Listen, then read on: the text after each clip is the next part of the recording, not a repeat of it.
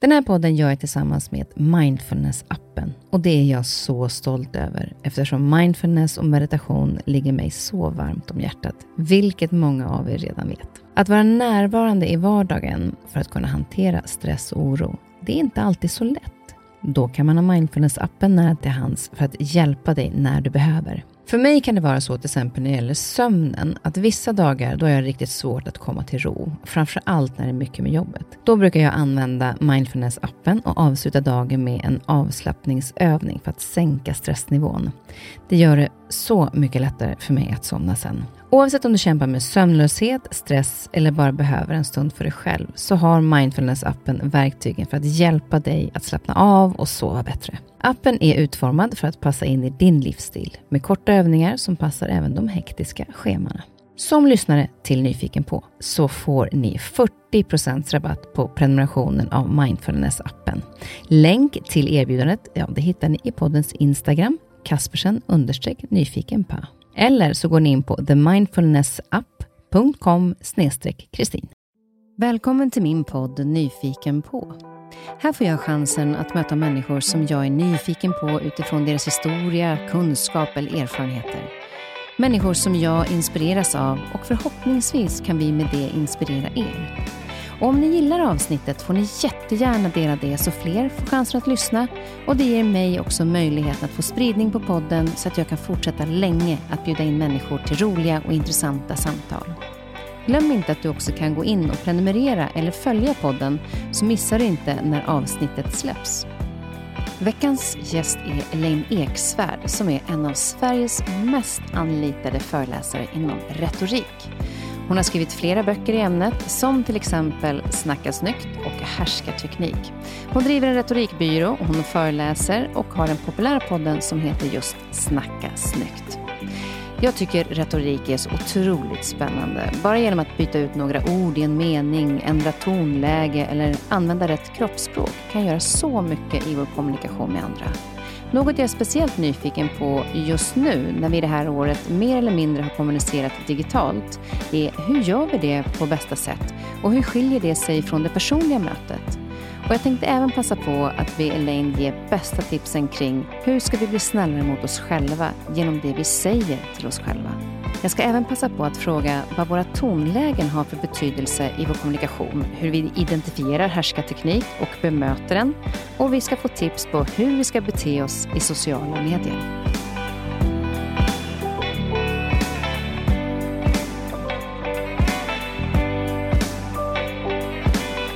Vad är det för hund? Den är världens sötaste. Ja, ni ser att det är en blandras. Det är pudel och kavaljer, så den kallas för cavapo.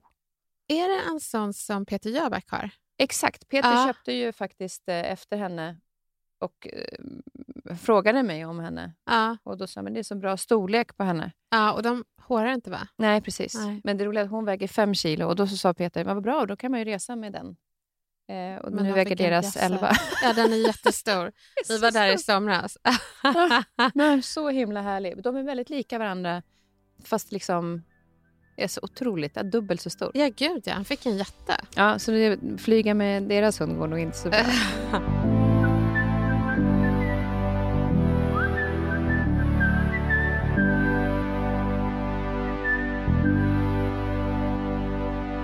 Så, nu sätter vi igång. Välkommen. Elaine. Tack snälla. Alltså, du har ju redan varit igång på morgonen. Ja. Jag eh, gick upp i morse, vi spelar in det här då på nio tiden på morgonen och eh, har Nyhetsmorgon på, så har jag sagt ja, Elaine Eksvärd kommer hit och pratar. Alltså, du är, igång. är du ofta igång tidigt på morgonen? Um, ja, men, rätt så ofta, men med, med, olika saker. Jag vill inte vara morgonmänniska, men mina kollegor ser till att boka saker så att det är på morgonen. Och sen så när man är småbarnsmamma så ska man ju försöka hinna med innan hämtning, så det blir så ofrivilligt. Men hur går det då, när du, när du är både småbarnsmamma till tre små ja.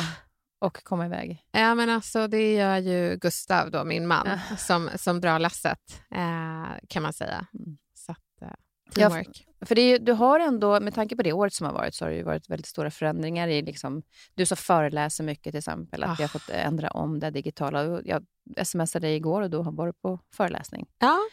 Hur tycker du det har varit att ändra ändra formen från det här möta publiken till att jobba digitalt? Jättebra fråga. Alltså med tanke på att jag är extrovert, ett socialt monster, jag får energi av människor, så var det ju otroligt sorgligt. Och först så kunde jag inte ens ta till mig det här digitala. Vi förstod ju inte vad vi skulle göra. Så att vi föreläsare träffar ju, ju nästan aldrig. Du föreläser ju också, och moderatorer och så. Men nu plötsligt så tog vi promenad runt sjön och matade duvorna. kände mig som värsta pensionären. Men eh, nej, det har verkligen varit en, eh, en omställning. Men jag har hittat sätt att eh, bli inspirerad i det digitala mötet. Så nu har jag ju väldigt många digitala föreläsningar. Och bara att se ansikten. Det största misstaget folk gör är att ha kameran av. Uh, vi behöver se ansikten. Så det, det är jätteviktigt. Exakt, för det var det jag tänkte kunde komma in lite grann på. Och eh, med tanke på den här tiden och att jag tror också att det kanske kommer att fortsätta en del av det här digitala. Ja. Eh, framförallt de digitala mötena. Men om man till exempel föreläser och pratar inför publik. För det var det jag kände, att ska jag föreläsa och inte se någon? Alltså mm. jag har ingen aning om, är de med på det jag säger? För det är mm. det som är härligt med publiken, att man ser att de så här, någon sitter och nickar lite instämmande eller någon ser så här för lite frågande ut. Och, då vet man lite grann hur man ska dra. Ja, men det ger ju energi och det är därför man alltid man ska se varje digitalt möte och varje digital föreläsning som en egen planet. När du håller i den så är det dina regler som gäller. Så man kan faktiskt säga det. Hörni, varmt välkomna till, den här, till det här mötet. Ha kameran på, micken av, vi ses om en liten stund. Att man har det som en sorts powerpoint-bild när folk kommer in i mötet. Där kan du sätta reglerna. Och Det konstiga är att folk gör inte det, utan de är lite så här, ah, vi får väl se vad som gäller här. Och så är det väldigt många som ger ursäkter och säger nej men jag, jag har dålig mottagning. Ja men sitter och har bra mottagning. Eller säg jag har dålig mottagning men jag är 100% engagerad och då får det vara det i chatten. Men alla arbetsplatser borde ge det rådet att ha kamera på för att när vi föds, alltså spädbarn söker sig instinktivt till ansikten och det här slutar inte i digitala världen så att vi behöver ge folk ansikten.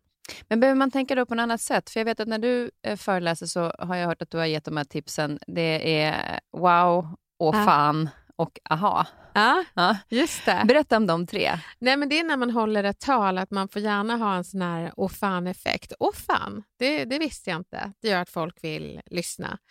Eh, wow, det är att man kanske gör någonting som inte var väntat. Eh, att man kanske har med sig rekvisita och så vidare. Um, Hans Rosling gjorde det att han hade med sig rekvisita när han skulle prata statistik. Så det gör väldigt mycket. Sen just det, det är att det du pratar om, det behöver vi kunna relatera till. För då blir det så här, just det, det stämmer. Att man nickar igenkännande. Så igenkänning ska man gärna ha när man ska lära folk någonting nytt så att de kan relatera till det. Det missade min kemilärare. Han eh, sa att Elina, du har inte fallenhet för kemi. Och Det var ju bara massa krumelurer på tavlan som han skrev. Men om han bara hade sagt att uh, ja, men alla de här krumelurerna finns i era schampoflaskor, då hade vi sagt just det. Ja, du menar så. Just ja, det, man ska kunna relatera det. till det. Men, men det är det som jag kan tänka, för när jag såg det så tänkte jag så här, det där är ju otroligt bra grej att tänka på. Mm. Samtidigt som när jag föreläser, så tycker jag ju, eller när jag har skrivit böcker, så tycker jag det här, alltså det som är om, jag utgår ju mycket ifrån mig själv och erfarenheter i kombination med de kurser jag har gått. Mm. Och många saker om mig själv tycker jag inte är så här, wow. Nej. Eller, jaha, just det. Och det får man ju oftast i publiken. Ibland kan man nästan testa sig fram de första gången när man föreläser. till ah. exempel. Att säga det där funkade, då kan jag liksom bygga vidare på det. Hur gör man det nu? Alltså innan man nådde det här med publiken mm. och innan man vet hur publiken reagerar. I det, du menar i det digitala, hur man uppnår de här känslorna? Ja, och egentligen är det så att jag uppnår de känslorna dels i digitala, men också första gången du har en föreläsning. Om du skriver en föreläsning mm. och ska, eller, eller ett tal, mm hur ska man, ska man testa den på någon först? Ja. Så att man vet att man får till de här wow eller just det grejerna. Jag tycker du ska testa det. Ja, du kan testa det först inför någon annan, men testa det i skarpt läge. Men låtsas som att det inte vore ett test. Alltså jag testar ju massa skämt när jag föreläser och om folk inte skrattar då mörkar jag och bara låtsas att det var ju inget skämt. För, det är så att, för annars blir det så jobbigt om man är liksom så tyst efter skämtet och väntar på ha, ha, folks reaktioner och det vill man inte. Så precis det du gör tycker jag är, är toppen, att man testar publiken och märker att det här funkar. Ibland börjar folk skratta åt saker jag inte förstår. då tar jag med mig det till nästa föreläsning, för det verkade de tycka var kul. Eh, men sen så är det inte alltid att de ska skratta, utan det kan vara att någon i publiken säger “Gud, det där du sa, det träffade mig”. Man säger “Jaha, det hade jag inte planerat att säga”. Så att man vågar testa sig fram lite, mm. precis som du är. Och då i den här digitala världen, då, förutom, ja, men, och det tänkte jag också på när det gäller föreläsningar, för där sa du också det här med powerpointen, att den är som en snuttefilt. Ah, Ja, du, alltså, man hörde ju direkt på dig när du sa ah, du gillar inte powerpoint. nej, nej, men det är ju, och särskilt inte digitala möten. Det är liksom en digital dubbelmacka och det smakar inte gott. Man vill se en människa och Powerpoint använder folk väldigt ofta som manus, men det ska inte vara ditt manus, det ska vara någonting för publiken, inte för dig. Så ett väldigt enkelt sätt att Powerpoint-banta, det är att titta på varje slide och fråga sig själv, är det här för mig eller för publiken? Och de som är för dig, det är ju ditt manus. Skriv ut det så att vi andra slipper se det. Och uh, det, det folk gillar är storytelling, dina erfarenheter, andras erfarenheter. Även om du känner Kristina att ah, men gud, jag har inga så wow-effekter, men det finns alltid folk man känner som har det. Man kan ju berätta om andras erfarenheter. Så du har ingenting eh, bildmässigt när du föreläser? Oftast inte. Mm. Nej. Det, jo, när jag har utbildningar har jag ju det. Just då, det. då vill de ha lite så meningar, till exempel hur hanterar man en uh, martyr? Idag, i, i morse i uh, Nyhetsmorgon så pratade vi om härskartekniker. Så då, då tycker folk om att kunna se meningar som man ska säga för att kunna ta kort på dem. Men då är det inte för mig, utan då är det för dem. Mm. Och varför jag inte har powerpoint är för att min snuttefilt i det digitala, det är folks ansikten. Just det. Och det är någonstans det som är det kanske viktigaste. Det är ju det som är mötet med dem, för det är de som ska känna att de får någonting. Ja. Jag kan tycka, eh, när jag har varit och föreläst, jag tycker det är jobbigt med eh, för många powerpoint, för då, då tröttnar jag, för det ser jag liksom inte när det är bara Nej. massa siffror och sånt där. Men, men det jag tycker om, eh, och det kanske har mer med min typ av inlärning, att jag tycker också om att om jag ser en bild mm. och den, den ligger där medan de pratar om ett visst ämne, då kan jag memorera att när hon pratade om det här så var det till den bilden. Just det. Ja, det är en jättebra pedagogisk poäng. Så där har jag, eh, för det är därför som jag till exempel när de sa nu till exempel när jag gör boken att eh, vi vill gärna att du gör egentligen bara text, men kanske några bilder. Och så sa jag det, för mig är det viktigt att de förknippar ett kapitel med en bild, för mm. det kan göra det lättare för vissa att komma ihåg. Mm. Så jag brukar ju använda bilder mera på föreläsningar, men det är inte helt fel. Nej, men du använder ju bilder och inte text med massa bullets. Nej, nej. För mig är det powerpoint. Jag tycker det är häftigt när man liksom... Det här är jag när jag var fem år gammal och platsen är... Och så lägger man till en story till det. Och Det sköna är att då behöver jag inte bara titta på föreläsaren utan jag kan liksom titta på bilden och höra dig. Så att det, det blir som en liksom ljudbok. Och det förstärker berättelsen lite? Ja, då. ja, det gör enormt mycket. Jag har sett fantastiska föreläsningar där man där man visar bilder, upplevelser, fotografer. Anneli, Pomp, Anneli, Anneli Pompe, tror jag att hon heter, mm. har visat när hon har dykt och, och klättrat, bestigit berg och så vidare. Så att eh, vissa saker behöver man ju visa. Andra kan man ju också beskriva. För hjärnan tänker i bilder. Så att det går faktiskt att också säga, inte bara eh, i huset jag växte upp i, utan om jag säger i det gula huset jag växte upp i, i skogen i, utanför Umeå, då kommer folk se ett litet gult hus. Du behöver ingen powerpoint där. Så jag tycker man ska varva powerpoint med bilder med eh, mental point, det vill säga bilder som hjärnan får måla upp. Just det. Och det är ju skillnaden mellan att få ut ett budskap och få in det i folks sinnen. Men den är bra, få ut ett budskap och få in det. Ja, precis. Jag brukar säga att ett budskap ska inte ut, det ska in. Och där är då när man ställer sig frågan då när man gör sin variant av PowerPoint. Är det här, förstärker det här det jag säger eller är det någonting som jag gör för mig? Precis. Och, och ger det mervärde. Du ska verkligen känna, åh, jag kan inte vänta. Gud vad härligt det ska bli att få visa den här PowerPoint-sliden. Om det är med förväntan och, och liksom så att det känns som att du ger dem en, ett digitalt paket, kör. Mm. Men om det bara är för att å, lugna nerverna, då kanske du ska lära dig våga tala först innan du håller i snuttefilten. Det finns ju många som har lite rädd, är lite rädda för att prata inför folk. Ja, många. Många. många ja. och, och, eh, Finns det någon liksom, teknik som du har använt när du har känt dig jag vet att du har pratat om någon Stefan. Ja, eh, jag har, så här, på 90-talet så fanns det retoriker eller nudister som sa att man skulle föreställa sig publiken naken. Det fick jag liksom lära mig när jag studerade retorik. Och det var så här konstigt. Jag bara, varför ska jag göra det? Kan man koncentrera sig då på vad Nej, man ska jag säga? tänker inte det. Det Nej. blir liksom, blicken tittar åt olika håll. Men, och då tänker jag att det är mycket bättre att man föreställer sig att det är familj och vänner som pratar. För precis som du sa, att när du kliver upp på scenen så pratar du om dig själv och du är dig själv. Du har ju lärt dig att vara dig själv eh, på scen och inför kameror för att det är liksom det svenska folket vill titta på. Människor, inte professionella robotar, såvida inte det är en nyhetsuppläsning. Så eh, därför tror jag att det digitala landskapet är väldigt bra för eh, er som är medievana. För ni kan ju titta på den här fyrkanten, kameran och vara er själva medan vi andra behöver lära oss det. Så att, eh, ja, ja, men jag tror verkligen att försöka vara sig själv och det är vi bäst för att återgå till Stefan som är en av mina bästa killkompisar. Och han, eh, jag föreställer mig honom och inte naken Nej. utan, utan bara att vi sitter och, och snackar, försöker ha den jargongen. Det ska kännas när man lyssnar på någon att det är bara mig du pratar med och vi är polare.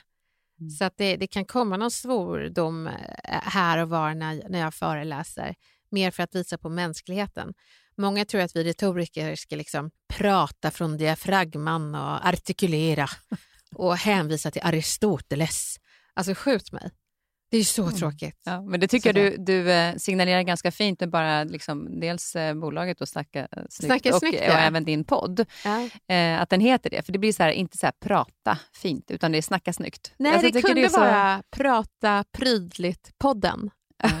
Men Snacka snyggt-podden känns mer slang och det var kontroversiellt för tio år sedan när, när min man och jag startade bolaget. För då var det mycket så här bolag till, som hänvisar till det antika Grekland och det är ju helt okej ehm, att man heter så.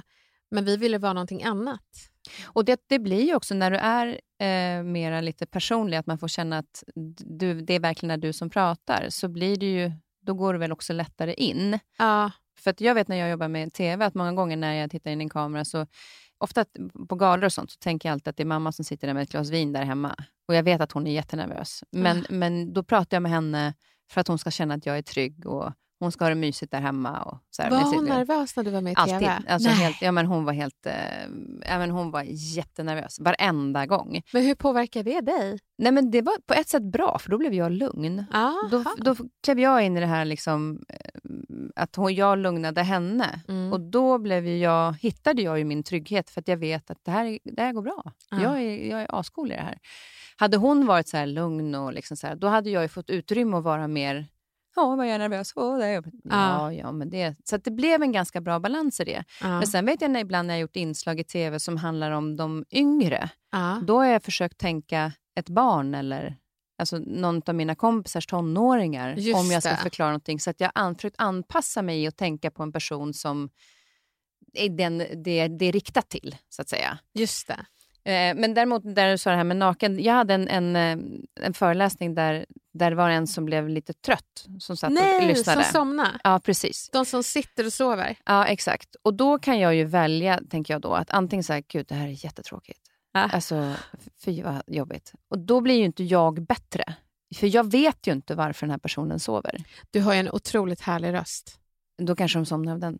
Ja, men det kan vara alltså, att, det, att den, är så här, den är väldigt harmonisk och skön. Och om du hade så här segment, för jag har också fått folk att somna. Ja, nej men alltså på något sätt, jag vet inte vad det var, men eh, då somnade Och då tänkte jag så här, nej, han har ju haft sex med sin fru hela natten. Det är klart han får sova en stund. och då blev det inte mig som det var riktat till. Ah, ja, utan det ja. var, och då var det vid ett annat tillfälle som jag presenterade föreläsare. Och då Mm. var det en kille som var supernervös. Men, och då var det en kille som satt längst fram som var lite trött. Jag vet inte varför just männen var så trötta. Men, och då sa jag till honom så här, det sitter en kille längst fram som, som lite halvsover. Eh, så ta inte åt dig utav det, utan han har säkert bara haft sex med sin fru en natt eller någonting och haft trevligt. Ja. Och sen går den här killen upp och föreläser och kommer han ner så här. Nej men alltså, jag tänkte ju bara på att, hur han hade sex med sin fru. Så då, där föll det lite illa. Men man kan ändå välja en annan tanke som gör att man kan prestera bättre. Gud vad bra. Att du inte väljer att ta illa upp. Ta illa upp. För jag kommer ihåg när jag var yngre och det var såna här äh, gubbar och gummor som kanske somnade emellanåt. De sitter och sover. Då valde jag att ta illa upp och då använde jag min röst för att väcka dem. Eh, alltså det, var så här, oh, det, var så, liksom, det var nästan lite taskigt istället för att bara tänka gud, de har det tufft nu. Ja, de har sovit dåligt Ja, natt. det betyder inte att jag är en sämre föreläsare. Eller, jag hade nog en, en förmåga att eh, välja att ta illa upp. Offerkoftan. Ja, och varför, varför gör vi det? För Jag tänkte egentligen komma in på det också, det här med att vara snäll mot oss själva. Mm. Vi är inte alltid så snälla mot oss själva. Nej. Nej, jag tänker det. Att, och, och låta den där kränkta tanken kanske inte få så mycket plats i huvudet vore ju toppen. Att det är inte jag, det är han som är trött. Mm. Och det ena har inte med det andra att göra. Att man inte mäter sitt värde på andras reaktioner. Men samtidigt, så, någonting jag har svårt att inte ta illa upp för, det är folk som intentionellt försöker vara elaka. Jag kanske inte tycker att, ehm, att det mäter mitt värde, men jag blir ledsen att du försöker göra mig illa. Oavsett vem du är. Jag fick en, ett tips av eh, Anna Tibelius Bodin som eh, kan allt det här med hjärnan. Ja. Hon har ju varit här och pratat ibland. Och då berättar hon att när någon annan är elak mot någon och försöker trycka ner någon, Ja. så behöver de öka sitt serotonin i hjärnan. Oj, kan man inte säga det till dem då? Eh, och då, ja, ja, exakt. Men jag brukar tänka så. Ja. Alltså lite låg på serotonin där borta. För då tar jag det inte personligt. Åh, vad bra. Eh, I att välja. Och sen så kan jag ju tänka så här, okej, finns en sanning i det de sa eller inte? För jag måste ju ändå ta till mig det folk säger. Och så här, men tycker jag inte att det finns en sanning, då är det så här, ja, ja, men serotoninet kanske var lite lågt idag, så då behövde de... Men och- du säger inte det, utan du tänker Nej, det. jag tänker det. Jag är retoriker, jag tänker inte så mycket jag pratar med. det här måste jag ju få säga någon gång. Ja, absolut. Jag längtar efter nästa troll Mm. på min Instagram så att jag kan säga du kanske skulle kolla serotoninnivåerna i Precis. din hjärna för att eh, nu förtrycker du mig. Mm, exakt.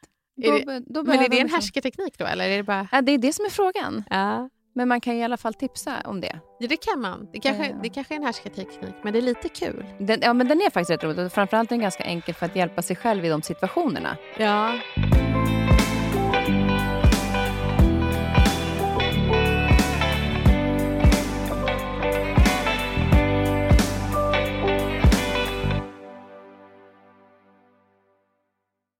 Eh, vi ska komma in lite mer på det här med att vara snäll mot sig själv. Men jag tänkte just om vi är kvar i den digitala världen. Mm. Nu när vi har de här digitala mötena, bara det här med, med Teams till exempel, med jobbet.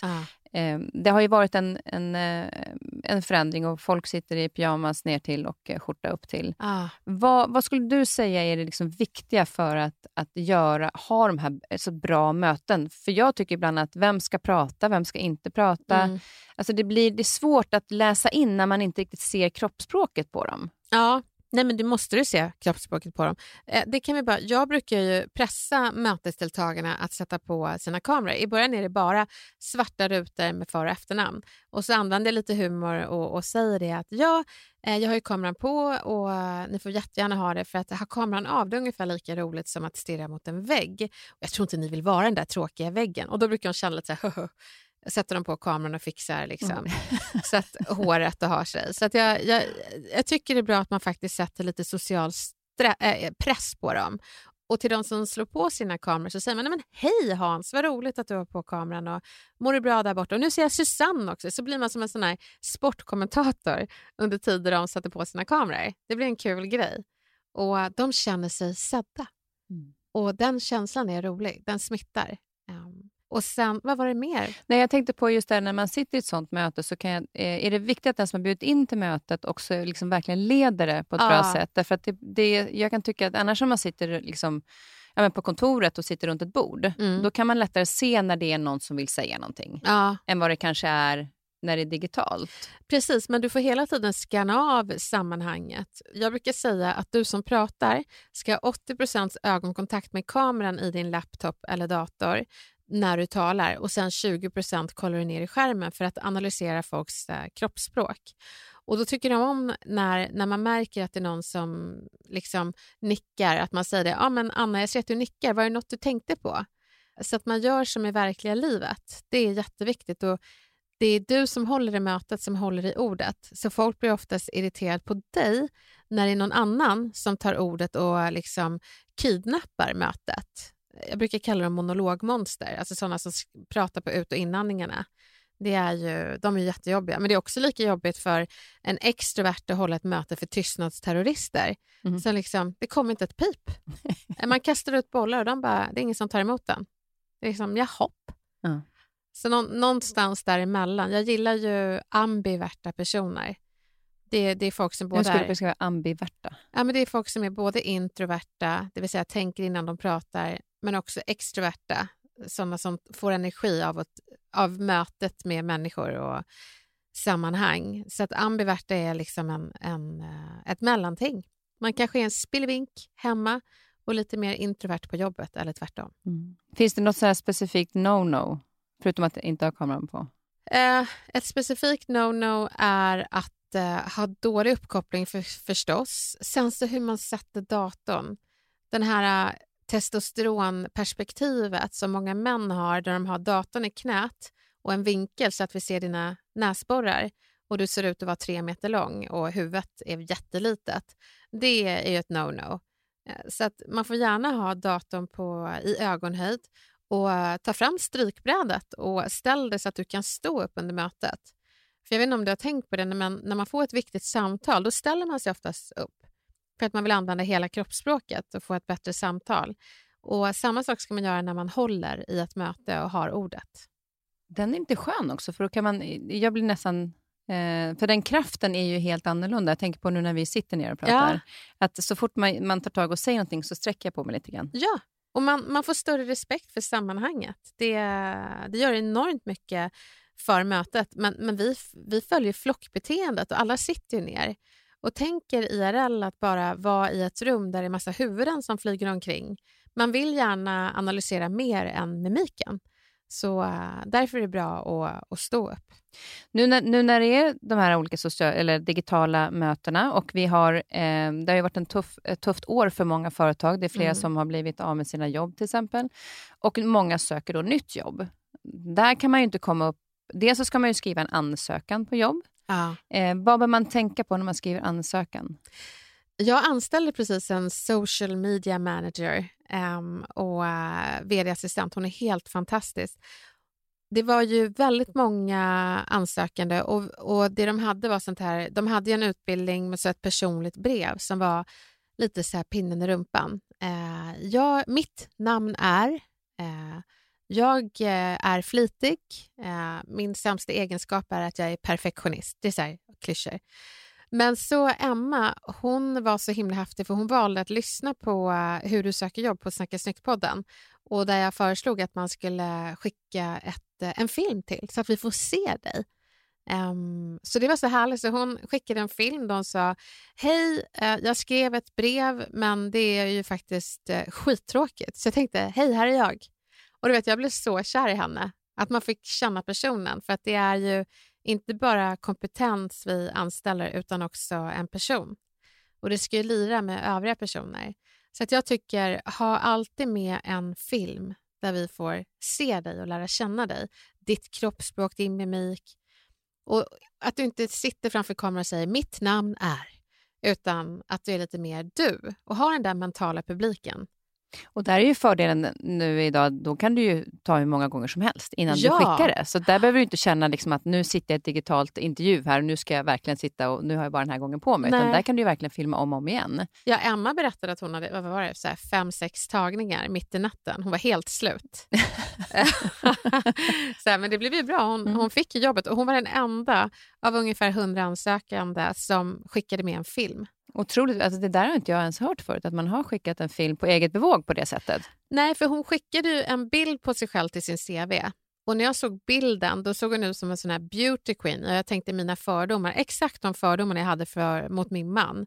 Att han är för snygg för att det ska bli någonting. Sådär, det ska jag faktiskt erkänna. Ja. Så när jag träffade Gustav så trodde jag bara att vi skulle ligga. Men eh, vi har varit gifta i 13 år. Så det var, det var de här fördomarna som kan stå i vägen, får inte stå i vägen? Nej, och det är fan, jag är besviken på mig själv att bara för att en person är snygg, varför skulle det likställas med att personen inte är eh, begåvad? Mm. Det, är mer, det är väl jättebra om en person är, liksom, har eh, eh intellektuell, alltså att man har hygien och tar hand om sig själv. Det borde ja, finnas något sånt där term. Det finns ju IQ, EQ, hälso-Q borde det finnas. Eller så här, hygieniskt intelligens. Mm. Och det, men det, det, är också någonting man, man ser väldigt väl i, eh, på bilder, men framförallt på film. Jag vet, jag fick eh, lite bastning här utav eh, Johannes Hansen som är coach. Han var ju Ja! här. Ja, och då eh, skulle han hjälpa mig i den här eh, kärleks, möta kärleken-varianten. Åh, Och vad där, roligt. ja, Vad sa han då? då? han, ja, han, det slutade med så har du ens försökt? Så, eh, nej, det har jag inte gjort. Men då sa han att, liksom, för jag sa att det är corona, bla bla bla. Och då sa han, men gå ut på de här, inst, eh, så här datingappar. Och det som fascinerar mig är ju just det att, eh, tyvärr ju män, nu kanske jag generaliserar, men, men när jag har sett eh, så här, kompisar då som har, killar som har sökt tjejer, Ja. de är ju mer medvetna om hur man tar en bild. Männen har inte riktigt koll på det, är också det här underifrån, man liksom inte ser Ja. hur de ser ut och så vidare. Men det blir ändå, det är det första du ser. Därför gillar inte jag de här datingapparna. Därför att det, du ser en bild, Mm. men den, den, jag kan döma bort någon jättelätt på den bilden. Och Det är det Ja. jag menar, därför är det så himla bra att du säger att skicka in en rörlig film. Och den sticker ju också ut ifrån de andra ansökningarna när du söker jobb. Ja, men det borde, det borde finnas en datingapp med video. Ja, För att jag menar, så slipper man alla de här överraskningarna. Ja, För jag, jag såg ju Gustavs bild, men, men då, då gick man ju på... Han var inte den här bergsklättraren och inte heller den här som stod med bara överkropp. Alltså, det finns ju så många. Det finns så många. Ja, verkligen. Antingen är det de eller så är det de som tar underifrån och så ser man typ chips och öl i bakgrunden. Och det är ju Ja. fine om man, om man nu tycker att man vill leva med någon som har det typet av livet. Men det, men vänta, det har du en, en eh, profil ute? Ja, men jag har haft det. Men jag ju Hur stängt... gick det? Du är jättekänd. Ja, fast jag, vissa, på några av dem så ser de inte mig, jag ser dem. Tills jag har swipat till höger. Så jag, som Gold till exempel kan man ha. Tinder Gold. Vad är det då? Vad Då- är det? Nej, men om du är på Tinder så kan du ha Gold. Och då Aha. ser de inte dig förrän du har swipat höger. Då dyker jag upp i den personens Okej, flöde. så du väljer alla du vill träffa? Ja, fast så- det blev inte så många. Nej. Nej, men jag är nog lite blyg där. Jag tror att jag, jag känner att jag vill veta vem... Alltså jag, jag tycker om det personliga mötet på ett annat sätt. Jag kan inte bedöma det på en bild. Nej, men det gör du inte. Men du, du ser bara om ni kanske är lite genetiskt kompatibla. Nu har ju vi barn och gjort klart allt det där, Ja. men skitsamma. Eh, Sängkompatibla. Det är lite roligt om det är någon man, man liksom tycker är lite härlig att titta på kanske. Absolut, men då ska jag inte vara så. Men, men det kändes lite grann som, nu är jag ju 51, men det känns lite grann som att jag hade kommit med i någon sån här seniorklubb. Nej! Nej! Men, men jag är ju 51 så jag får väl acceptera det då. Men det var inte riktigt... Eh... Så jag tror, jag tror mera på det, det riktiga mötet. Men jag har i alla fall försökt och det var det, det, var det viktigaste. För då, det med han menar då i att när man ska mötas, eller när du ska öppna upp för kärleken, och det Ja. var väl det som var viktiga, det var ju att du faktiskt engagerar dig. Mm. För det gör att när du sen går ut på stan eller när vi får mötas ute, att man signalerar att man är öppen för det. Ja. Och det är en process på vägen. Istället för att bara säga, nej men jag har det ju bra som jag har. Så. Jag älskade att tin eller inte tin det var spraydate på den tiden. Okej. Så jag gjorde det till en Men ni sport. träffades så? Ja, ja. Alltså det är ju så härligt. Ja. Grattis. Nej, tack Vad- snälla. vad Jag tog med honom till någon sån här gayklubb. För jag har så många eh, gaykompisar och jag tänkte inte på det då. Men Gustav gick fram, han visste inte att det var en gayklubb utan han gick fram till baren och skulle beställa. Och du vet snubbarna, de, det var som han var Moses och havet liksom delade sig när han gick fram. Ah, kom fram här. och eh, han blev så på så himla gott humör så han bara, gud vilken tre, vad trevliga alla är här. Exakt. Ja, Eh, jag sa så- det. Jag bara, just det, ja, det är en gay, gay-ställe. Han bara, jaha. Han stod och vinkade till, till dem i baren. Det var jättemysigt. En smart, smart grej att göra. Det är, jag gillar alltså just gayklubbar också, för Ja. jag tycker alla är så himla snälla. Det är de verkligen. Där. Ja.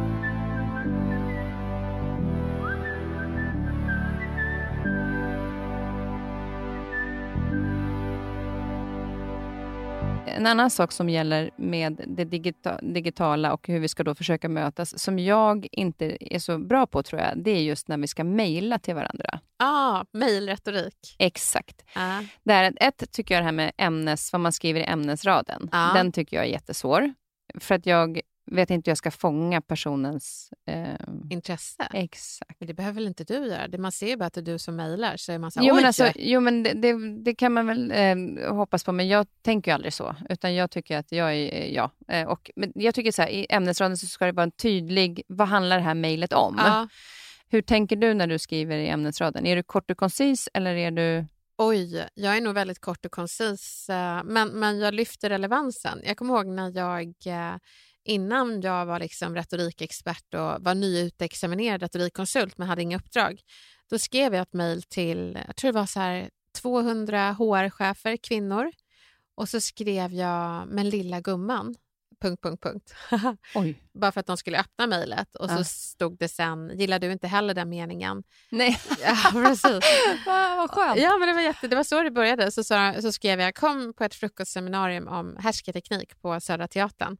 Så eh, det var, det var faktiskt så min förläggare då på den tiden, Anders Sjöqvist, hittade mig. Den är ju underbar. Ja, Ja, men det är det jag menar, att hitta de här små sätten att fånga den som sitter och läser. Liksom, kommer du in och du har så här 40 mejl, ja. så kanske man så prioriterar det som ett viktigt ämne. ja men precis. Att man höjer relevansen. Och det tycker jag folk är dåliga på. Alltså det kan vara att man när telefonförsäljare ringer så säger de hej, stör jag? Alltså det är massa så här, äh, försöka fånga dig-frågor istället för att bara lyfta relevansen. Och det ska man lyfta på tre sekunder. Du, jag är här för att du sänker dina bokkostnader. Jaha, berätta mer. Men istället så kör de Hej, stör jag? Det här tar bara en minut. Jag ringer från bolaget. Vi har funnits sedan 38 före Kristus och bla bla bla. Jag är helt ointresserad av hur länge ni har funnits och hur lång tid det tar. Lyft relevansen först. Och så kan man tänka på ämnesraden också. Vad är hela syftet med det här mejlet? Mm. Jag vill träffa dig. Ja, Just det, så man, man, man fång, fångar dem där redan. Och Sen är det att när, när man skriver mejl, jag har ju en förmåga att skriva så som jag pratar, så det, det riskerar att det blir ganska långt. åh vad härligt. Är det okej? Ja, men det är jobbigt när man mejlar med en introvert person. Ja. Alltså jag mejlade ju noveller till min man, han är introvert och fick tillbaka en mening. Eh, och precis när man smsar, liksom, jag älskar dig, livet är underbart, emojis deluxe, liksom, får man tillbaka en tummen upp. Eh, det är det är så tråkigt. Ja, jag vet. Så det beror helt på. Jag tycker att man ska vara så som man är. Men det kan bli lite antiklimax när man mejlar till... För är du extrovert? Ja, det är jag, skulle Ja. jag nog säga. Ja. Och då kan man ju till introverta personer kanske... Då, då, då säger vi... Vi pratar ju... Introverta pratar för att säga någonting. Vi extroverta vi pratar ju för att det är kul. Exakt. Ja, men precis. så då kan det, det bli så att de läser allting vi har skrivit och så ser man, ha det är en fråga, ja men då svarar jag på den. Mm. Så det är inget förolämpande, men man hade ju velat en sån här, få en novell tillbaka. Hur var din dag och vad tänker du om? Men det är också så här respekterat, den personen respekterar att jag är som jag är Ja. och jag ska respektera att den personen är som den är. Ja. Det vet jag, eh, för några år sedan så eh, hade en liten fling och han tyckte det var så jobbigt att jag skrev långa sms och då var Ah. de typ fem rader. Nej. Och han skickade också fem rader, men han skickade liksom en mening åt gången. och då tyckte han att det var stressande med fem rader.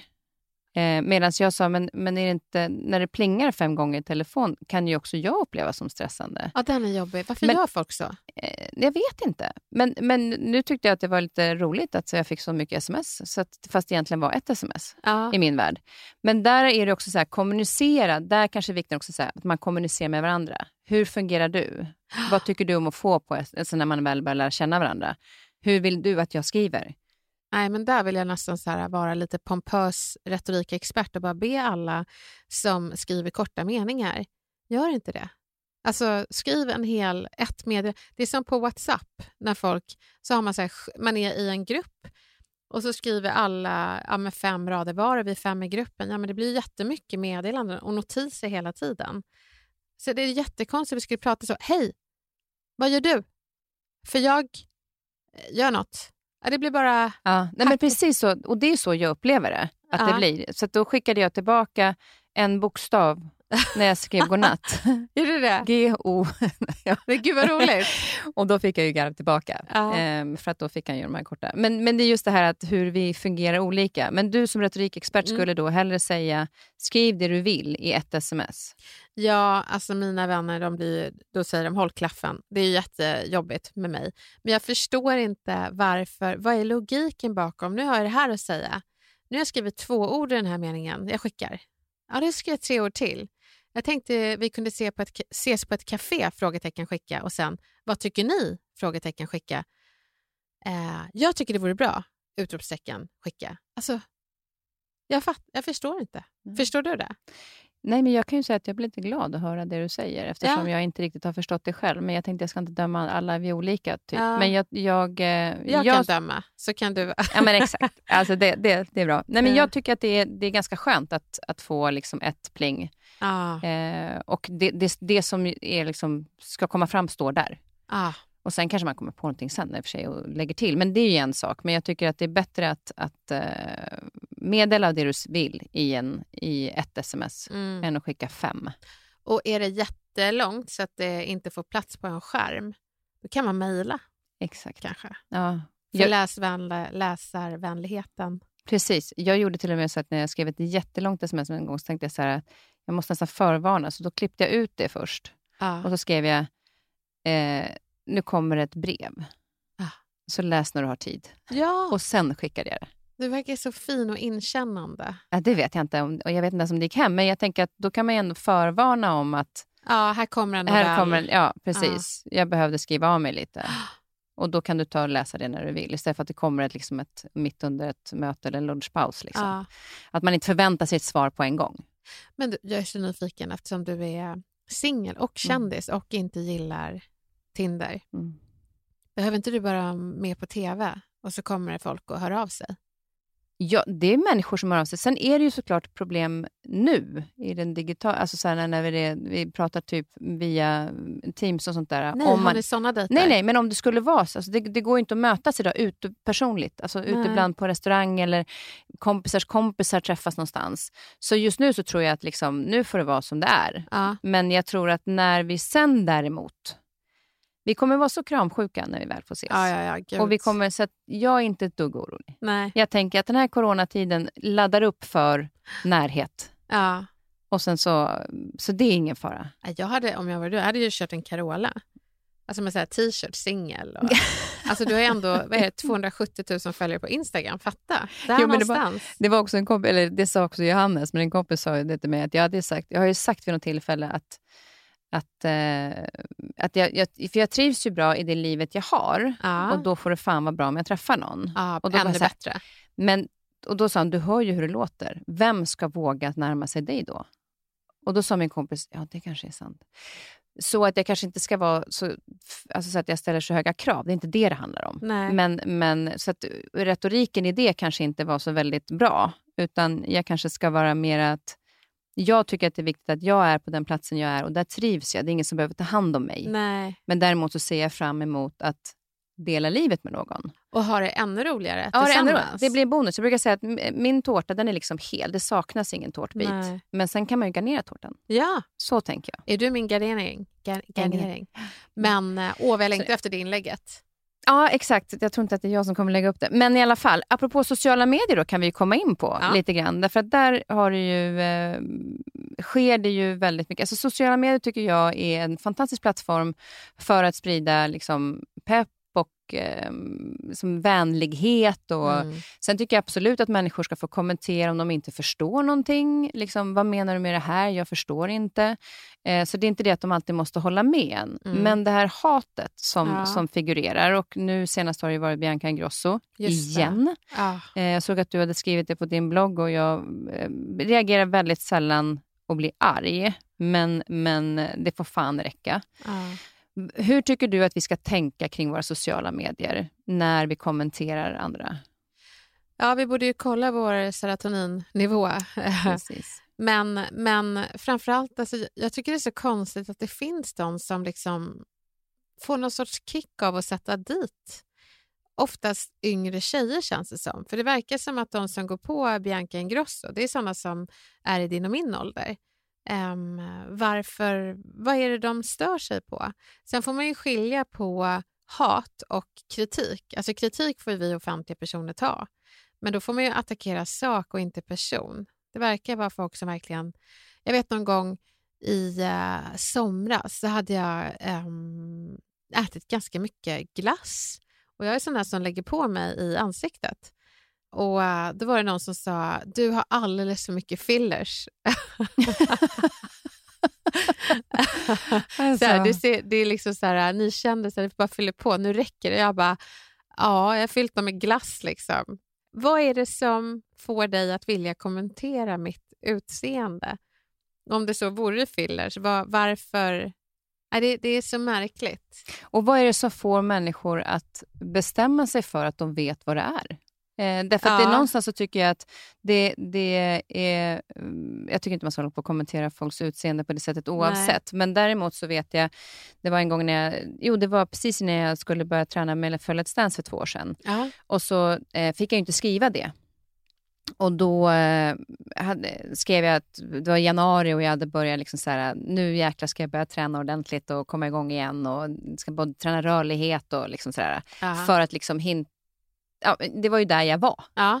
Och då var det någon som skrev så här, ah, har du 50-årskris eller? Ah, ja, ja. Den, Och det är så här, gud vad roligt. Alltså den där personen tror att jag bestämmer sig för att jag har någon kris. Ja. Medan jag vet att det det handlar om är att nu ska jag få dansa hela våren och jag förbereder min kropp för det.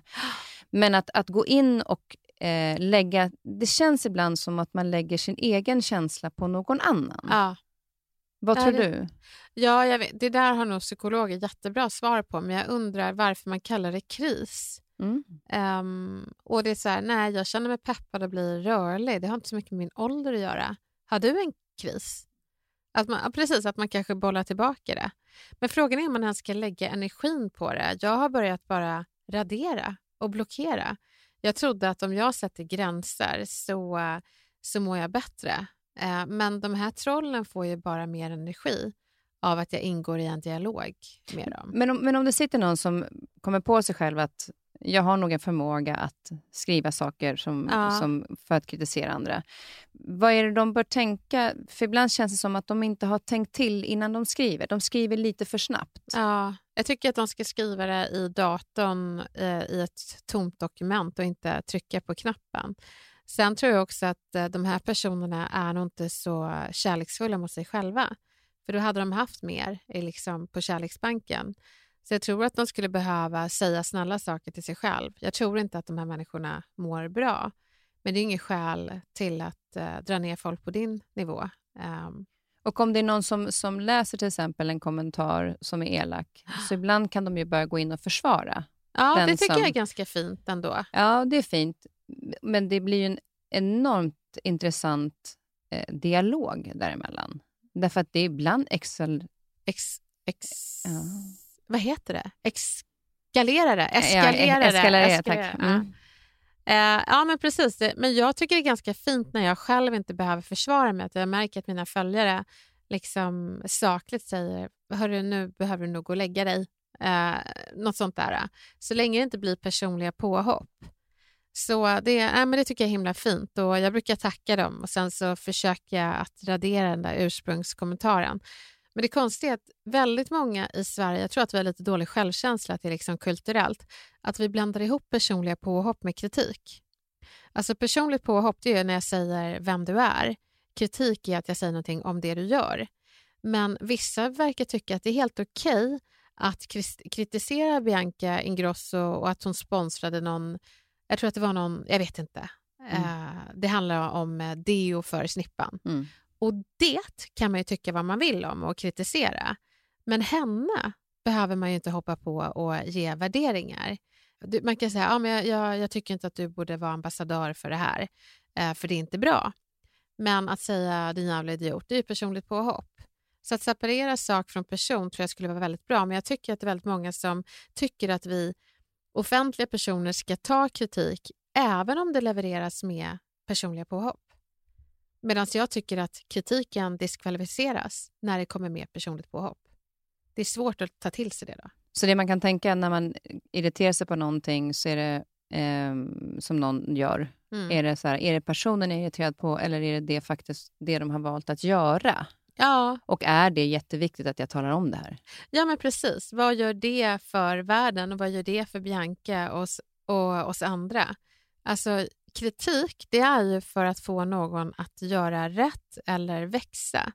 Och du vet när kritik och feedback har landat rätt genom att personen tittar på dig och säger tack för feedback, gud vad bra. Och säger de inte det, då behöver du omvärdera hur du snackar. Sen så finns det tillfällen då personen har dålig självkänsla. Och Det spelar ingen roll om du säger du det där dokumentet du skrev, det gick lite illa. Och den här personen känner att de är dokumentet. Ja, nej, men så du hatar mig. Det är ju martyrer och de är också svåra att handskas med. Ja, hur handskas man med dem? Nej, men då ska man säga, du, jag märker att när jag ger dig feedback så gör jag dig väldigt ledsen och det vill inte jag. Så jag tänkte bara fråga, hur vill du att jag ger dig feedback i fortsättningen så att den här situationen inte uppstår? Det är mycket bättre istället för att man hamnar i medberoende till en släkting, eh, till en kompis. Alltså det, vi alla känner en martyr. Och martyrer är oftast väldigt ensamma för att vi orkar inte umgås med dåligt samvete. Så att de skulle tjäna på att lära sig ta feedback. Och då är det bättre att vända frågan till dem och säga, hur vill du ja. att jag ger dig feedback? Ja, men precis. Och inte säga att du är så känslig, utan oj, man kör skyll på dig själv-metoden. Att oj, jag märkte att jag gjorde dig ledsen, det var inte min mening. Så hur vill du att jag ger dig feedback i fortsättningen? Precis som du sa. Mm. Så man är inte tydlig. Och Det handlar väl också om det här när man till exempel om man ska klaga på någonting. Ja. Eh, för det kan vara många som har svårt för, fast man kanske har rätt att göra det. Ja. Eh, hur ska man hantera... Eh, jag vet att du har ett avsnitt också som heter Klaga... Konsten att klaga snyggt. Ja, exakt. Ja, det. Den, den är spännande, därför att ibland vill man göra det inte för att man är kinkig, utan Nej. faktiskt för att man vill hjälpa den andra. Men så gör man inte det för att man inte vågar vara den här jobbiga människan som klagar. Ja, men precis. Och det är, ja, men jag tror att jag drog det exemplet i eh, podden, nämligen när man kommer hem och det är stökigt, att man istället för att säga varför är det så himla stökigt hela tiden? Eh, där klagar jag ju. Och det jag tänker är att man istället kan önska sig du nästa gång så vore det jättehärligt om ni ville ställa skorna eh, i ordning, bara till nästa gång. Men det är skitsvårt att vara så jävla pedagogisk med sin man. Alltså, det är, alltså, man är väl ingen jävla lyckocoach som bara du, nästa gång skulle jag önska. Så att, eh, men man, man kan ju försöka. Ja, men, men som det är också ett exempel som du tog upp där, det är ju när, man, när vi är på restaurang. Ja. För där kan det ju vara så att, att maten faktiskt inte... Och det var jag med om en gång när jag jobbade själv på restaurang för många år sedan. Ja. Att det var en person som, som sa att det här liksom, det smakar inget bra. Nej. Och jag var så här, tack för att du säger det. Ja, för då tack. ger man ju en chans att någon annan inte ska riskera att få dålig mat. Exakt. Men den personen sa det ju på ett sånt sätt så att man tog det till sig och inte bara blev förbannad och drog. Typ. Hur ska man liksom kunna säga det på ett bra sätt när vi går ut på restaurang eller eh, för att inte göra för att de ska ta till sig det du säger och inte stöta bort det? Jättebra fråga. Alltså det är att istället för att anklaga, ha omtanke. Att jag säger det här för jag bryr mig om er och för jag tror att ni skulle tjäna på den här informationen.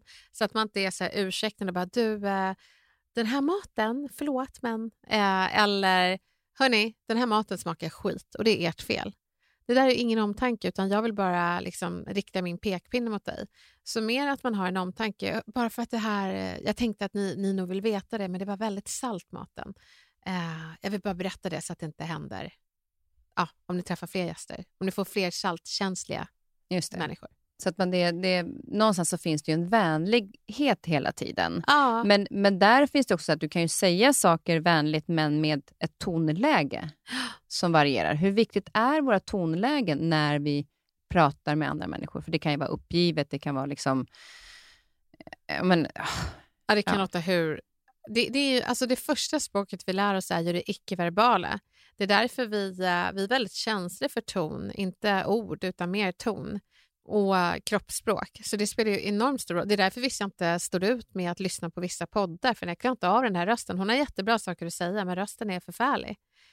Um, Medan man tycker att vissa har så ett bubbligt skratt, så att jag gillar inte honom, men jädra vad härligt. Jag blir glad när han skrattar.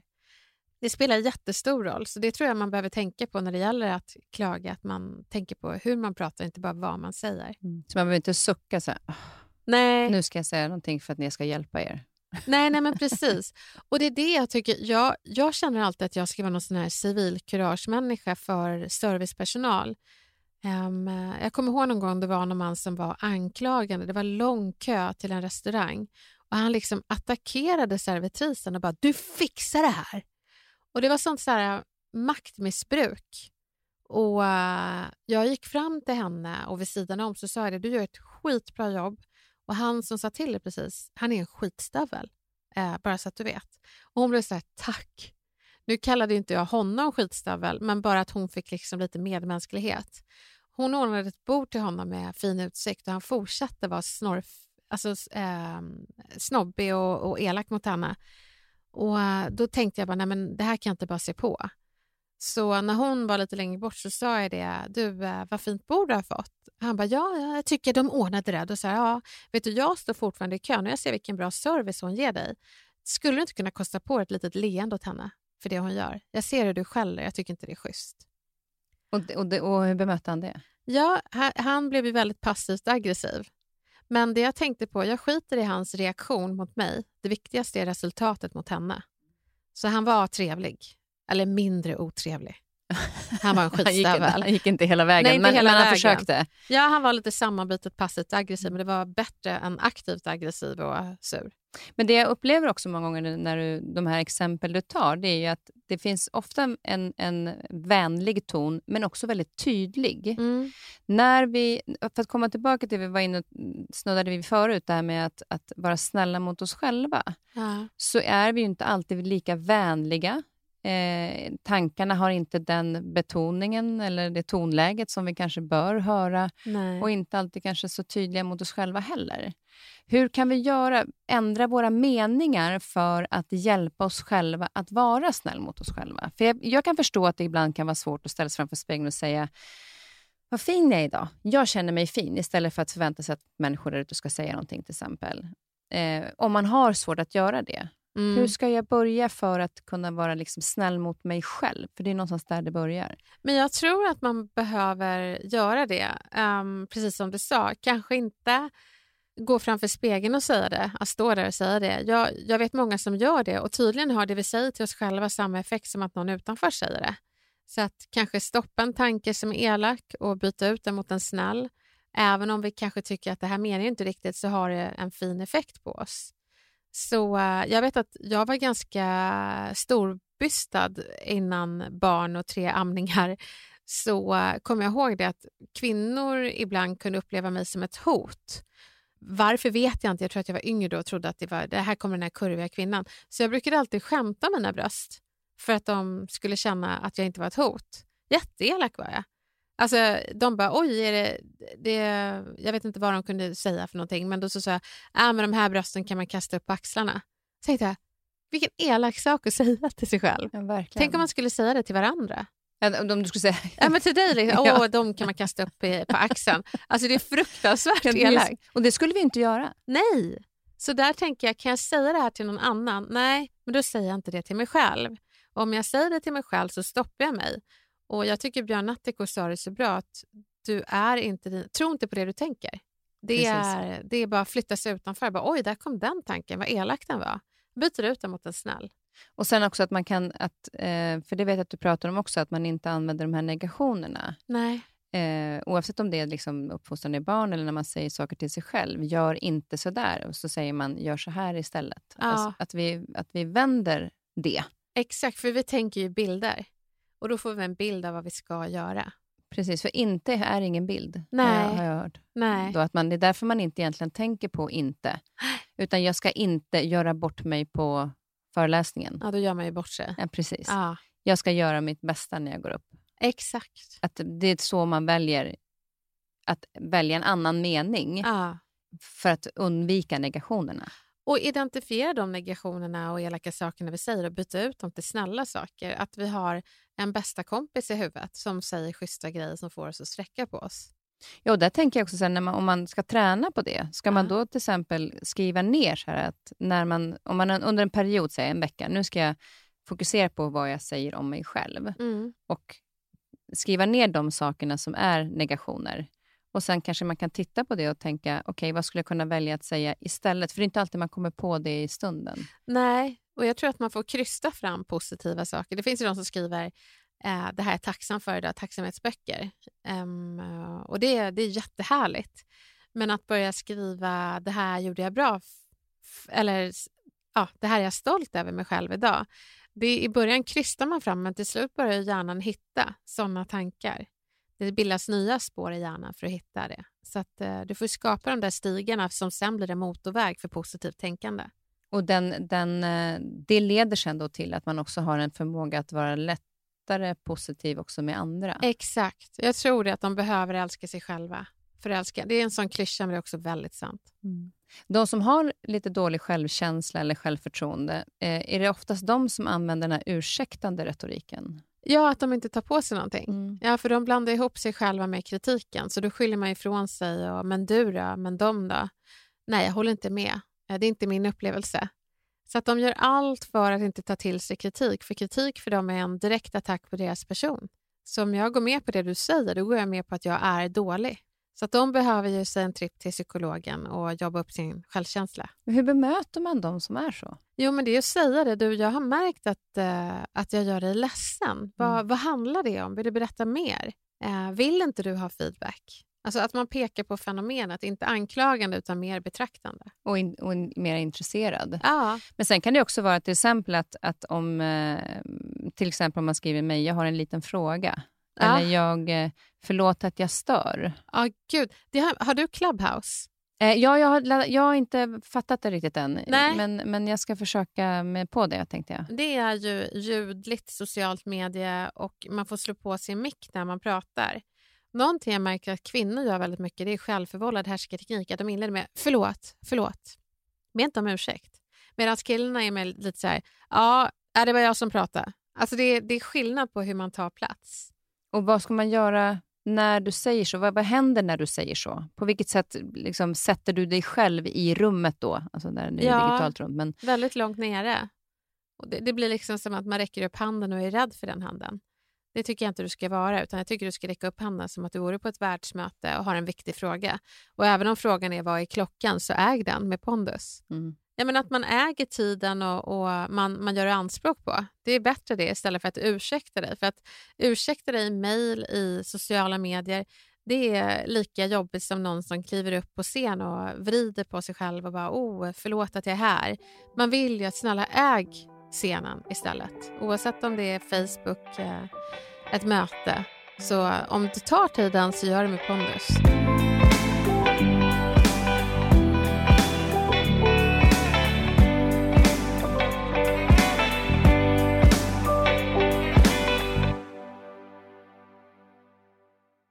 Och Sen tänkte jag att vi skulle komma in på det här med härskarteknik som du har eh, dels fått prata om i morse på Nyhetsmorgon, Ja. men som också som du har skrivit en bok om det också och Ja. pratar väldigt mycket om det. Jag kan tycka ibland att det är lite svårt att, att tyda en härskarteknik. Mm. Utan i efterhand, om jag berättar för någon, så kan de säga, men gud vilken härskarteknik. Ja. Jaha, var det? Hur ska man identifiera när det är härskarteknik? Ja, alltså oftast är det subtilt. Det är när du lämnar ett möte med en dålig magkänsla som du inte kan sätta fingret på. Och så kommer man oftast på hemma, just det, hon sa så här. Vad handlade det om egentligen?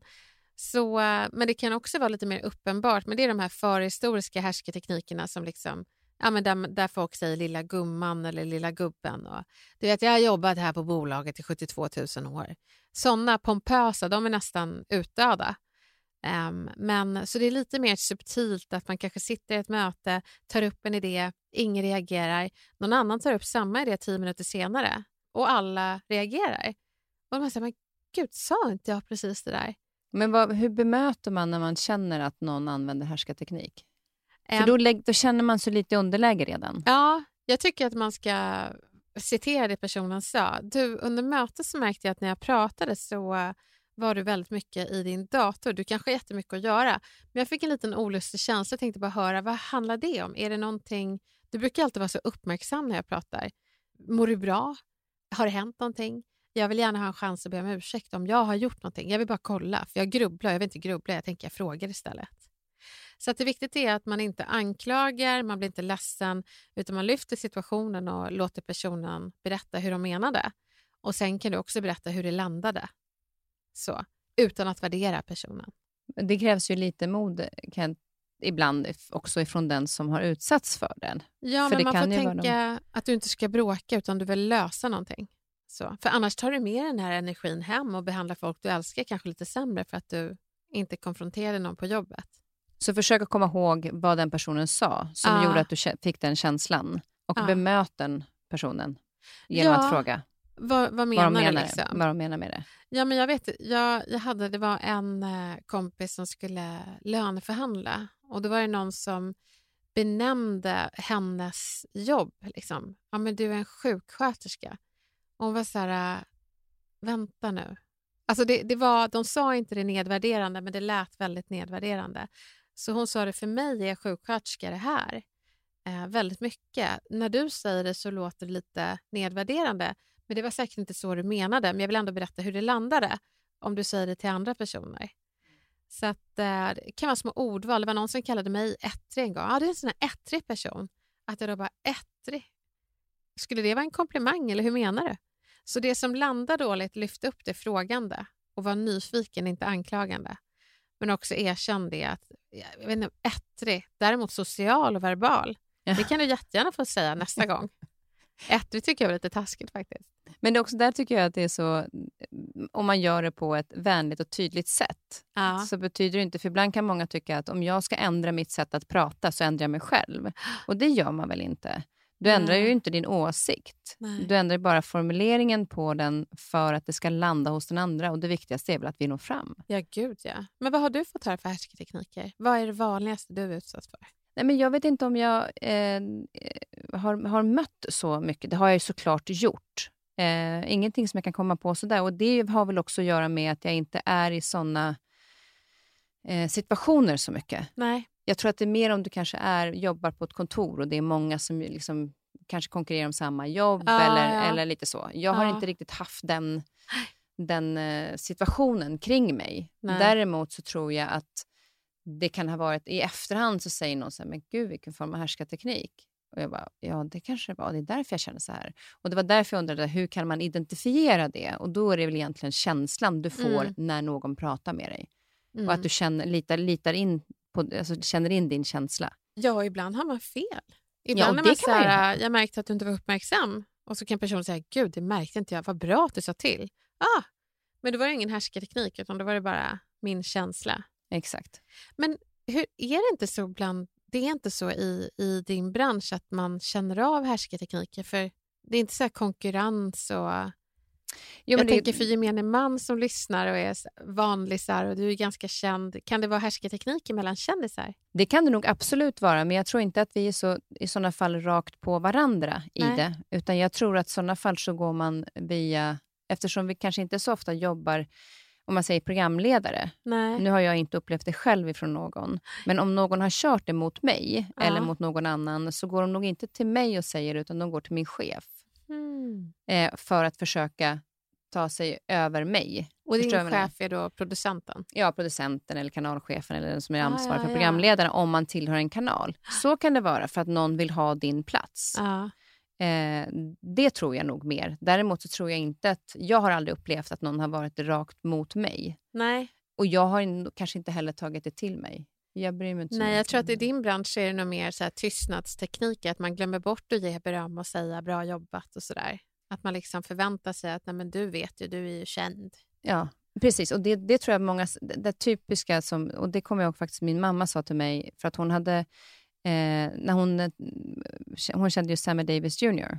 Förlåt eh, att jag inte vet vem det är. Ja, det är en av eh, de största kända sångarna i världen. Som, han dog ju för sig för kanske 20-30 20-25 år sedan kanske. Ja. Men en fantastisk eh, man och mamma, en av mammas största, största idoler. Eh, och då gick hon fram till honom. Han var på turné med Frank Sinatra och Liza Minnelli. De mm. gjorde en, sån här, en turné, eh, de tre tillsammans. Och, och Då gick hon fram till honom och, och hon, hon bad ju alltid om ursäkt när hon sa någonting. Hon kunde säga till mig också så här, förlåt att jag säger, men fan vad bra det var idag. Ah. Alltså så var ju hon jämt. Hon bad alltid om ursäkt att hon sa någonting. Men då så sa hon att förlåt om jag stör, men jag vill bara säga att du är helt fantastisk. Du får säkert höra det jätteofta, men jag vill bara säga det. Och Då sa han att kom ihåg en sak, att lova mig att alltid tala om för människor när du tycker det. För det är faktiskt ingen som säger det längre. För de tror att jag får höra det hela tiden. Ah. Och Det är också en så här rädsla kanske att man har att ska jag våga gå fram och säga, då blir jag en i mängden som återigen går fram. Ah. Alltså man blir ju så glad när någon vågar gå fram och säga ah. någonting som de tycker om att man har gjort. Så det är så här, välkomna det. Och Då sa mamma, lova att du alltid talar om för någon om du tycker att någon gör bra.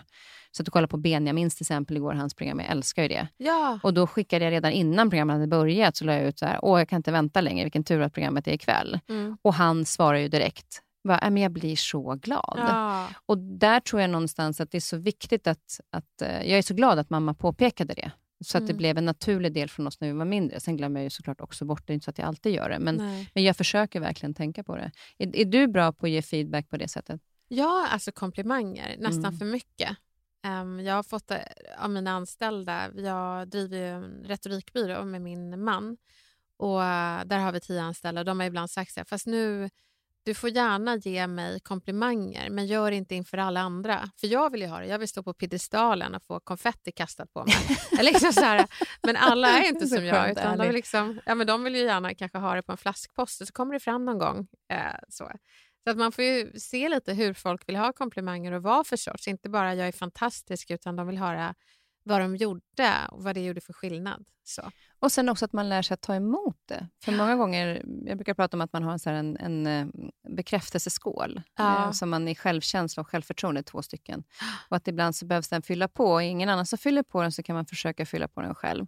Mm. Men ibland är de upp och nervända och då rinner det bara av. Ja. Så att även om du får en komplimang, alltså, och, och, som återigen mamma då sa att så här, men, eh, vad fin du är inte, oh, den här gamla trasan, brukar ja. hon säga. Men till oss sa hon att kom ihåg att säga tack. Ja. För att det är någon som har tagit sig mod, ger dig en komplimang, ta emot, ta emot den gåvan mm. istället för att den studsar tillbaka. Mm. För då signalerar du ju, äh, du har fel. Ja. Fast den personen har ju inte det. Nej. Hur viktigt är det? För det är ju svårt ibland också att ta emot komplimanger. Vad kan man göra för att säga det på ett sånt sätt så att det känns bekvämt för en själv också om man nu har svårt för det? Ja, alltså det beror helt på vad personen, vad, vad, man uppskattar för komplimanger. Vissa uppskattar utseende, andra prestation eller... Men um... oavsett vad det är för komplimang, om det är någon som du känner så att... Jag ty- och någonstans tycker jag så att om du får en komplimang, även om det handlar om utseende och tycker inte om att få det, mm. så har de mm. ju ändå tagit sig mod och, och ger en komplimang. Ja, men då behöver man inte säga tack för att man håller med, utan tack för att du säger det, vad glad jag blir. Vad snällt av dig att säga det. Bara en sån sak, mm. istället för att äscha bort saker. Det tycker jag är jätteviktigt. Nu tänkte jag, säga, vi, eh, jag tänkte lite grann nu när vi ska summera, då, vi har ju pratat ganska många olika saker inom retorikens ja. värld. Eh, jag ska, tänkte att jag skulle lägga ut på vårt Instagram lite ja. så här små tips ja. som vi har fått eh, av dig under veckan på Kaspersen Nyfiken på Instagram. Mm. Men då undrar jag också, vad är du nyfiken på? Ja, jag fick den frågan. Vad är jag nyfiken ja, men jag, jag var nyfiken på, och den här syftningen är ju fri, Ja, jag är nyfiken på de här gamla paren som håller år efter år och liksom vad de gör eh, för att liksom hålla kärleken vid liv. Och då kan jag säga, ni har ändå varit gifta i 13 år. Vad gör ni för att hålla kärleken vid liv? Ja, men jag fick ett tips in, när jag var evig singel innan från en sån här 85-årig stammis på Coop där jag jobbade i kassan. Och De kommer alltid vara så gulliga. Då frågade jag vad är hemligheten, hur håller ni ihop? Och Hon sa det, hemligheten är att man får flörta med karn ibland. Ibland går jag fram och, och nyper han i rumpan. Den, den är lite längre ner nu, men man nyper. Så blir han glad. så att jag, jag nyper Gustav i rumpan ibland. Uh, och det, det är väl så här flörta. För att påminna varandra om den kärleken som ni har och inte bara gå in i föräldraskapet. Nej, men precis. Och det, det tror jag också... Nej, men Många går in i föräldrarollen och är bara mamma. Man får inte glömma att man är en flickvän och att jag är en eh, kompis. Och att jag är själv också. Ibland behöver jag bara vara Elaine utan några titlar. Och jag, jag kan ju verkligen inte eh, ge något bra eh, svar på det där, eftersom jag inte har lyckats hålla någon relation så, så länge. Alltså så här, hålla, utan vi har haft, jag har haft bra relationer men, eh, under den tiden det har varit. varit Fast du har ju men... samtidigt lyckats eh, veta när det ja, men då var det klart. Jo, och verkligen. Och ja. vi har ju inte, det är inte så att vi bara brutit upp och gått, utan vi har jobbat för att hålla kvar relationen och se, kan vi rädda det som är problemet? Ja. Så det är inte så att vi bara jag flyr på något sätt, det gör jag inte. Men, men jag frågade en, en kompis, eh, som har blivit en kompis, men, men första gången vi, vi sågs på ett möte så sa jag, för han, han har varit gift i 17 år, så sa jag, men oh, wow, Alltså hur gör ni? Mm. Hur håller ni ihop så länge? Jag tycker det är liksom helt fantastiskt med tanke på två liksom aktiva jobb och många barn. Och, så och Då sa han att vi har aldrig slutat älska varandra samtidigt. Mm. Och det tyckte ah, jag, var, jag tyckte det var ganska fint, för att oftast kanske det är en som är lite mer så här, ah. less, men då kämpar den andra lite och får tillbaka liksom, ah. lite mera... Man växeldrar. Ja, men lite, lite grann så. Och Det tyckte jag var en ganska fin förklaring. För det är klart att vissa perioder i livet att man inte alltid tycker att det här är toppen. Nej. Men då kanske den andra tycker det och påminner varandra om vad det faktiskt är man har. Verkligen. Jag ska testa det sen när det är dags. Ja, men gör det. Att man får växeldra. exakt. exakt. Eh, jag ska säga också då, när, när, om det är någon som vill eh, läsa mer och lyssna till dig, så har du dels en blogg på Må bra. Ja. Mm. Och sen så har du då podden som är Snacka snyggt. Som är, alltså det är ungefär 25 minuter. Jättehärliga små eh, korta avsnitt som, som ger jättemycket. Och det var, som jag tyckte var fint var att man verkligen kunde säga och det här är jag nyfiken på idag. Ja. Olika ämnen. Ja, men allt ifrån hur man liksom raggar nya vänner, haffar, eller haffar, landar drömjobbet till hur man ger krit, kritik mm. på ett bra sätt. Och om man vill anlita dig som föreläsare? Ja, då finns jag på uh, snackasnyggt.se. Snackasnyggt.se. Vi ska avsluta med en, eh, en liten låt. Vilken har du valt? Jag har valt India Arie som heter Video. Och Det är väldigt mycket självkärlek i den låten. Lyssnar på den ofta? Ja, nej, men jag tycker när jag ska peppa mig själv. Så jag tror att eh, det kan vara ett alternativ till er som lyssnar. Att eh, när man ser sig själv i spegeln och istället för att säga snälla saker så kan man lyssna på den här låten. Tack snälla för idag. Nu ska vi ta fika. Tog, du ville bara ha kaffe med ja, med. Men jag tog ja. med mig råfruktsbollar och en ingefärsshot. Du, jag har spanat på dem. Jag ska smaka. Bra, tack snälla. Tack snälla. Sometimes I shave my legs and sometimes I don't. Sometimes I comb my hair and sometimes I won't. Depending on how the wind blows, I might even paint my toes. It really just depends on whatever feels good in my soul.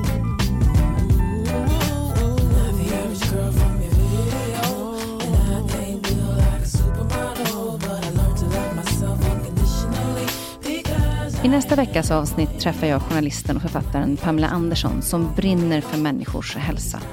Pamela drabbades 2012 av en hjärntumör.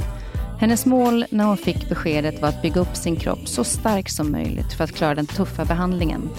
Att hon skulle överleva var inget läkarna vågade hoppas på. Var med och lyssna nästa vecka på Pamelas berättelse och hennes enorma drivkraft att klara kampen mot cancer.